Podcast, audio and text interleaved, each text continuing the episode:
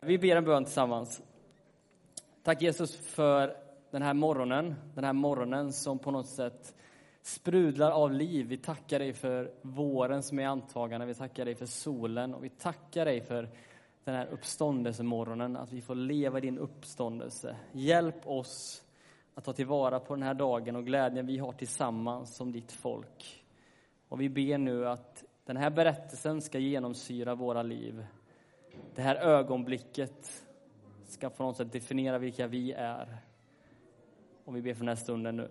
I dina händer, I dina händer lägger vi den här predikan. Amen. Ibland uppstår ju det situationer som sticker ut från alla andra. Ögonblick, ni vet, som det är som att tiden står stilla.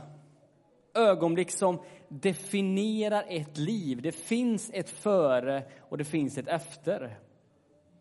Vi har ju alla våra individuella ögonblick som vi kanske tänker på lite extra. Första gången som vi flyttade hemifrån. Ögonblicket när vi träffade den stora kärleken. Ögonblicket när sorgen kanske flyttade in i våra liv. Ögonblicket när du fick hålla ditt barn för första gången i famnen. Ögonblicket när du klarade av den här utmaningen som du aldrig trodde du skulle klara. Sen finns det ju ögonblick som också definierar det stora, inte bara vi själva utan också en hel värld. Man minns liksom vad man gjorde och vart man var vid vissa tillfällen i historien.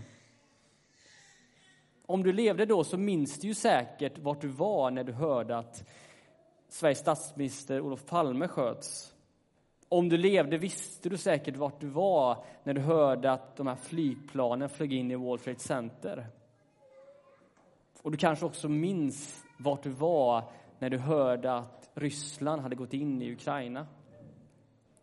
Det här är ögonblick som sticker ut eftersom det är situationer som inte vi förväntade oss. Jag menar, Sverige var inte beredda på att en statsminister skulle skjutas ihjäl på öppen gata. Världen var inte beredd på att terrorister skulle utmana den fria världen. Och Europa var ju verkligen inte beredd på att ett krig skulle förekomma där 2023. Men allt detta hände och alla dessa ögonblick definierar ju det som är vår historia, men också det som är vårt nu. Han hade ju sagt att det här skulle ske. Ja, alldeles i början när han gick med lärjungarna genom landet så hade han sagt det här. Han har också sagt det här nu, de här sista dagarna. Från att han hade välkomnats in i Jerusalem som mästaren och frälsaren. Tills han sen, några dagar senare, ropas fram och ska korsfästas. Han hade sagt att han skulle dö. Lärjungarna hade hört det. De hade inte förstått vad han menat, eller så hade de inte ens kunnat ta in vad han ville säga. För varför? Ja, men varför skulle Jesus behöva dö nu? Nu det verkligen hade kändes som att vinden hade vänt. När det fanns så mycket potential i den verksamhet som Jesus bedrev. Jag menar, under skedde, sjuka blev friska, hungriga blev mättade, människor blev upprättade, upplyftna. Varför skulle Jesus behöva dö nu? Var allt det som de hade hört talas om förgäves? Var det poänglöst? Var han bara en av de där alla andra som påstod att de var någonting? Jag tänker mig att den diskussionen föregick bland de manliga lärjungarna som satt bakom lås och bom några dygn efter att deras läromästare hade dött. På ett kors under hån och skratt.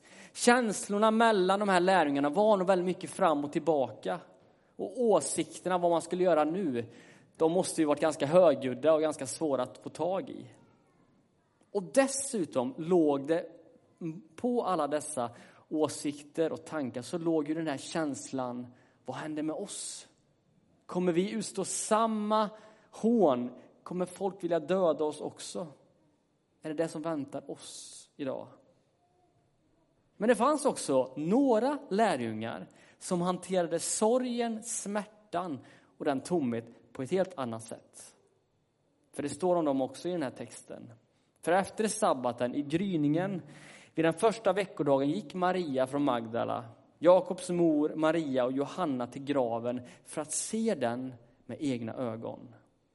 Och man hade med sig dit väldoftande kryddor som de hade tillgjort, precis som lagen sa. Och deras resonemang när de gick där på vägen till graven, jag tänker mig att de lät på samma sätt som de inlåsta lärjungarna. De var också oroliga, de var också rädda.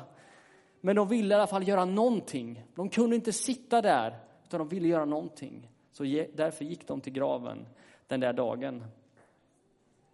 Och så då, när de kommer fram till graven, som ni ser där, så förändras allt, bokstavligen allt förändras på ett enda ögonblick. För graven är tom. Jesu kropp är borta. Det har blivit precis så som han hade sagt. Döden kunde inte hålla godheten själv, Jesus, i sitt grepp. Ljuset som lyser in i vår kyrka den här fantastiska morgonen, det ljuset lyser hur mörkt än vår tillvaro är. Jesus har uppstått och döden är besegrad och livet vann. Det största ögonblicket, tänk att man kan säga det ändå. Det här är det största ögonblicket i mänsklighetens historia. Ett ögonblick som förändrar precis allt. Ett ögonblick som berättar om vad Gud är kapabel till att göra och att det alltid finns kraft att hämta i vissheten om att mörkret, ondskan, inte har sista ordet. Alltså Jesu gärning, varför han var satt till att komma till den här världen, det var att rädda hela mänskligheten. Och inte minst ville Jesus möta den som inte orkar, som har det tufft, som är marginaliserad. Och exemplen som vi kan läsa om det, om människor i evangelierna, de är ju oändliga många. Och inte minst i uppståndelsen. För vilka är det som Jesus möter den här morgonen? Vilka är det som är de första som får den här nyheten? Ja, men det är ju kvinnorna. De kvinnor som varit marginaliserade av män i alla tider. Som har förminskats, som har skadats och som har trampats på. Och i den här kontexten som evangelierna lever fram, där männen bestämde, där kvinnorna knappt fick yttra sig, så är det de, det är de som först får höra den här nyheten. Det är de som får ta emot det här ögonblicket som förändrar hela världen. Alltså de som är på botten, det är de som får hopp i uppståndelsen. För om det är någonting vi vet också i den här världen, det är ju att det finns ondska på många olika platser. Det finns fortfarande ondska och det finns mörker som tenderar att förstöra många människors liv. Och vi ska ta några exempel nu på mörker som vi kan fortfarande se i vår värld. Vi kan ta den första bilden, Oskar. Den här fyraåriga tjejen heter Lisa. I höstas så drabbades det området som hon levde i av de första ryska raketattackerna. Och det som hände henne, det var att hon dog. Fyra år gammal dog hon på grund av någonting som hon inte på något sätt hade någonting att säga till om. Och hennes mamma kunde inte ens vara med på begravningen av henne för att hon själv låg på sjukhus. Och man kan fråga sig, vart finns hoppet för henne och hennes anhöriga? Och så har vi nästa person, Sebastian Staxet, som var en person som levde ett liv i totalt mörker. Han levde i den undre världen, han var med i en hiphopgrupp. Han levde ett liv med droger, med kriminalitet. Och vid en period så satt han i fängelset. Och när han satt i det fängelset så besökte hans flickvän honom. Och hans flickvän berättade att jag orkar inte leva längre. Mitt liv är så hemskt, jag orkar inte leva längre. Och Sebastian svarar henne när han sitter där i fängelset, ja men ta ditt liv då. Bryr jag mig ens om dig undrar jag. Och så morgonen efter, när hon har kommit hem, så tar hans flickvän sitt liv. Alltså Sebastian levde ett liv i syndens tecken med mörker vart han än tittade. Vart fanns egentligen hoppet för honom?